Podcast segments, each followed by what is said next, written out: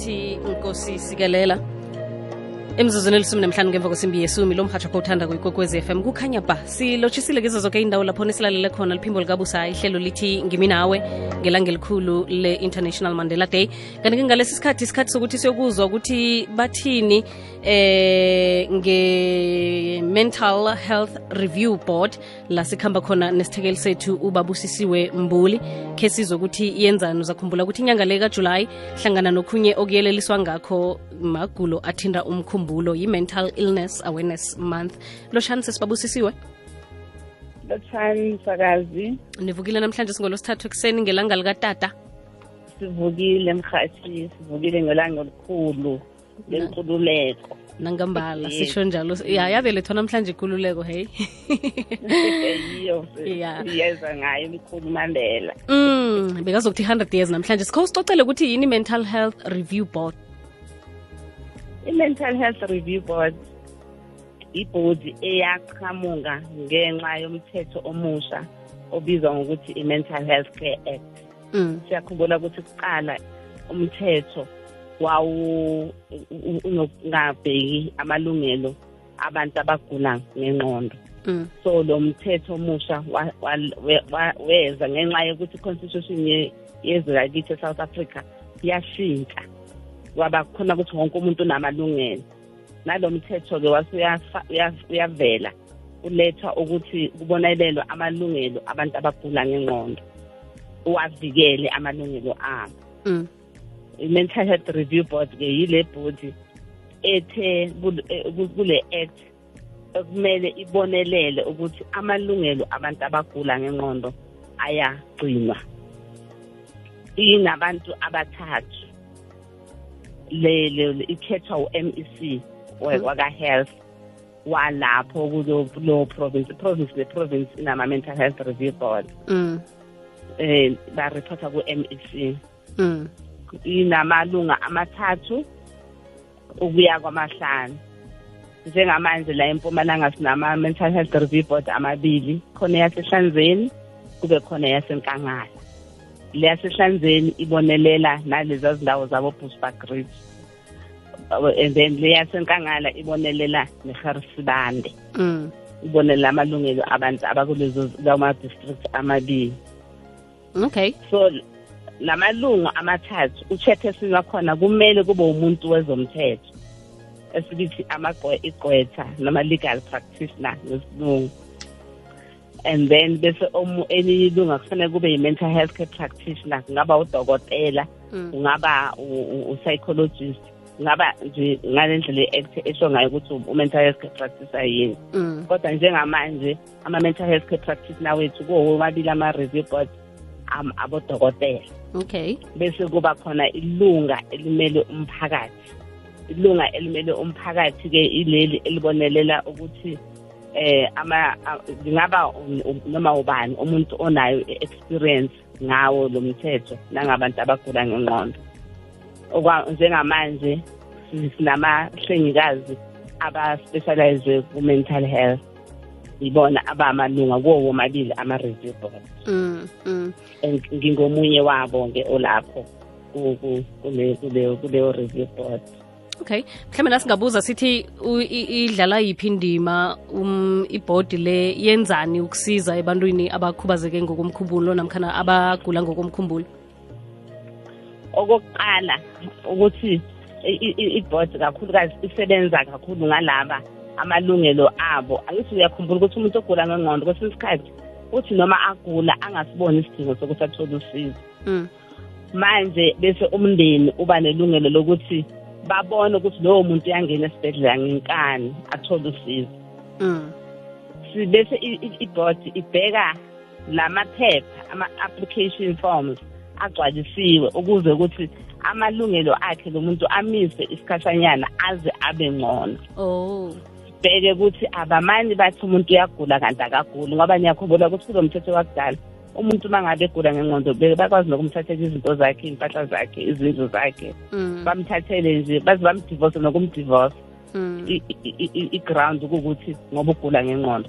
So la kuvikelwa lawo malungelo siyabheka ukuthi funeka ahlolwe abodokotela ayo yedwa ababili bamhlole ukuthi ngempela ngempela ugula ngengqondo. Mm. emva kwaloko bese um- umphathi wesibhedlela lapho ahlolelwa khona uyavuma ukuthi angangena na a- alaliswe esibhedlela kuhlolwa lokhu lo- lokhu obakubhalile lapha ephepheni ukuthi sithi uyagula ngengqondo ngenxa yokuthi wenza lokhu naloku naloku naloku Mm. Mm. kureviewa ngendlela i-application yakhe nama nama-examination ama-assessment enziwe abodokotela or ama-mental health care practitioner sibheka lawo maphepha ukuthi enziwe ngendlela na kulandelwe indlela emisiwe emthethweni bese-ke kusiba nelungelo lokuthi uma ngabe kukhona okungahambanga kahle simbize lowo muntu loyo azohlala naye e-review board achaze ukuthi kwenzeke kanjani ukuthi lo muntu alaliswe athathele amalungelo akhe anga anga nga- ngoba ngaloko nikubhalile sibona ngathi lo muntu bekangafanelanga ukuthi alaliswe ngenkani Hmm. noma sivume ukuthi hhayi mlaliseni kusho ukuthi vele uyagula Mm. Ehe manje sinina nikwenza njani lokho nibathathapha ama-clients wenu ukuba abantu abagula ngokomkhumbulo namkhana kunomuntu okwenzako lokho on ibehalf yomuntu ogulako angithi manje um- umzali noma usihlobo Mm. yiso esizosho ukuthi umfowethu uyagula nangu uyaphula izinto wenzani bese uyahamba uyesibhedlela agcwalise lawo maphepha lawo okucela ukuthi lo muntu asizakale mm. emva kwaloko abodokotela noma ama-mental health care practitioners awu-two bayamhlola independently omunye uyahlola bese kuza omunye wesibili amhlola bese mabavumelana sebathatha le application yabo nalama nalama assessment forms abo bawasa ku- ku- ku- ku-CEO wesibhedlela. Okuyena ozosho ukuthi ningamlalisi noma ningamlalisi. And then lawo maphepha sebawathumela ku-review board. Sesihlala phansi la maphepha siyawacubungula ukuthi ngabe kuhambe kahle na. Mm, mm. mhlambe niyakhona ukusebenzisana nomphakathi nje namkhani abantu beza kini vaya abanye abantu ngombana lapho khunye kunomuntu obonwa mphakathi ukuthi akakaphatheki kuhle amalungelo womuntu ogulako lo ayaphulwa izinto ezifana nalezo. Bakhona ukusebenzisana nani direct? Kakhulu kakhulu. Bakhona nje ukuthi bangareporta straight ku-review board mm. noma bangareporta emaphoyiseni. Kune-form-ke la kulama-regulations e-act ebizwa ngokuthi form two. Bangahamba bayoyicela noma kuseklinikhi noma kusesibhedlela noma kusemaphoyiseni bagcwalise bayigcwalise bese ithunyelwa ku-review board. Enikubonile Bese emva mm, kwaloko sesiya-investigate-ke ukuthi kwenzakalani ngalowo muntu loyo. Mm. umsebenzi wakalo community member-ke lowo okay. Eh ongathanda ukukutshela umphakathi mayelana namalwelwe naka athinta umkhumbulo uzokuthini nje kubalaleli bekwekwezi FM na uvela kezamaphilo nje? Um engingakusho ukuthi njengoba usizo kwathi mental illness month le inyanga yokuqwashisa ngokugula ngengqondo ukugula ngengqondo i- isifo esingabamba noma ngubani. Kakhulukazi njengoba sazi ukuthi sine- sinezinkinga e- e- ezweni lakithi. Umuntu noma ubani angagula ngengqondo. So kubalulekile ukuthi sibambisane ekunakeleleni abantu abagula ngengqondo.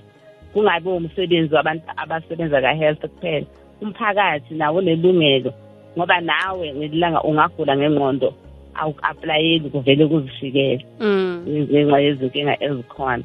Kodwa engingakusho ukuthi uma kutholakale eli kuyalapheka kodwa wahlala wangakunaki isikhathi eside ugcina sowufana nabo labantu abahamba emgwaqweni bacosha amaphepha azange baqala kanjalo kuqale kancane kancane. Yingakho kumele uma ngabe ubona ukuthi khona ushintsho endleleni owenza ngayo izinto bese uthola usizo. Kwezempilo ungangena ngisho eklinikhi Mm. ibona bazokuthumela kubantu abaspecializile ngokugula ngengqondo uthole usizo. Okay mama sithokozile. Kwanamhlanje si ilwazi osinikela lona eh mayelana ne-mental health review board. Abantu bahlangana njani nayo? Ikhona kuma-website namkhana indlela enye nje nithintana ngayo? Nomboro? Eh ngicabanga ukuthi ama-review board la amasha eyasenkangala i-station the middleburg hospital. Ama-ofisi abo alapho kwamanje. Eyasehlanzeni i-station erob ferrera hospital. Oh. Ama-police station nendawo ze- zezempilo kumele zibe zinawo ama-list nama-addresses abo. Kodwa nje uma unenamba yase-rof ferrera unenamba yase-middleburg hospital uyakwazi ukuthi noma i-provincial office mental health department uyakwazi ukuthi bangakusiza uxhumane nabo nokuzokele mama siyathokoza ngisho um siyathokoza nangambala um besikhuluma lapha nge-mental health review board esiza khulukhulu icalelele amalungelo wabantu abanokuthindeka emkhumbulweni njengoba sigijima phezu kwayo inyanga le yokuyelelisa ngamalwelwe athinda umkhumbulo i-mental illness awareness month. Sizokucala godi eh um elinye lamagulo akhona athinta umkhumbulo evekeni ezako ngomvulo. La sicale khona ihlelo lethu lezamaphilo elivezwa nguphindile mahlangu. Kho ulalele godwa ukuthi ngamaphi amanye amathwayo njengoba asitsho nje umambuli ukuthi nakutholakele kusesenesikhathi kukhona okungenziwa. Mhlambe ke nangabe ubona amachuguluko la sabe sikhuluma ngawo ufumane isizo kusesenesikhathi ukwazi ukuthi usizeke ngombana ilwazi lona-ke ngilo elizosikhulula entweni eziningi kunokucabangela okuningi kuneenkolelo eziningi bese kuneqiniso ekugcineni. I-the muffins bathi where you are cabanga ukuthi wenza umehluko lapho ukhona ngisho ukunikela kusiyimali kuphela nesikhathi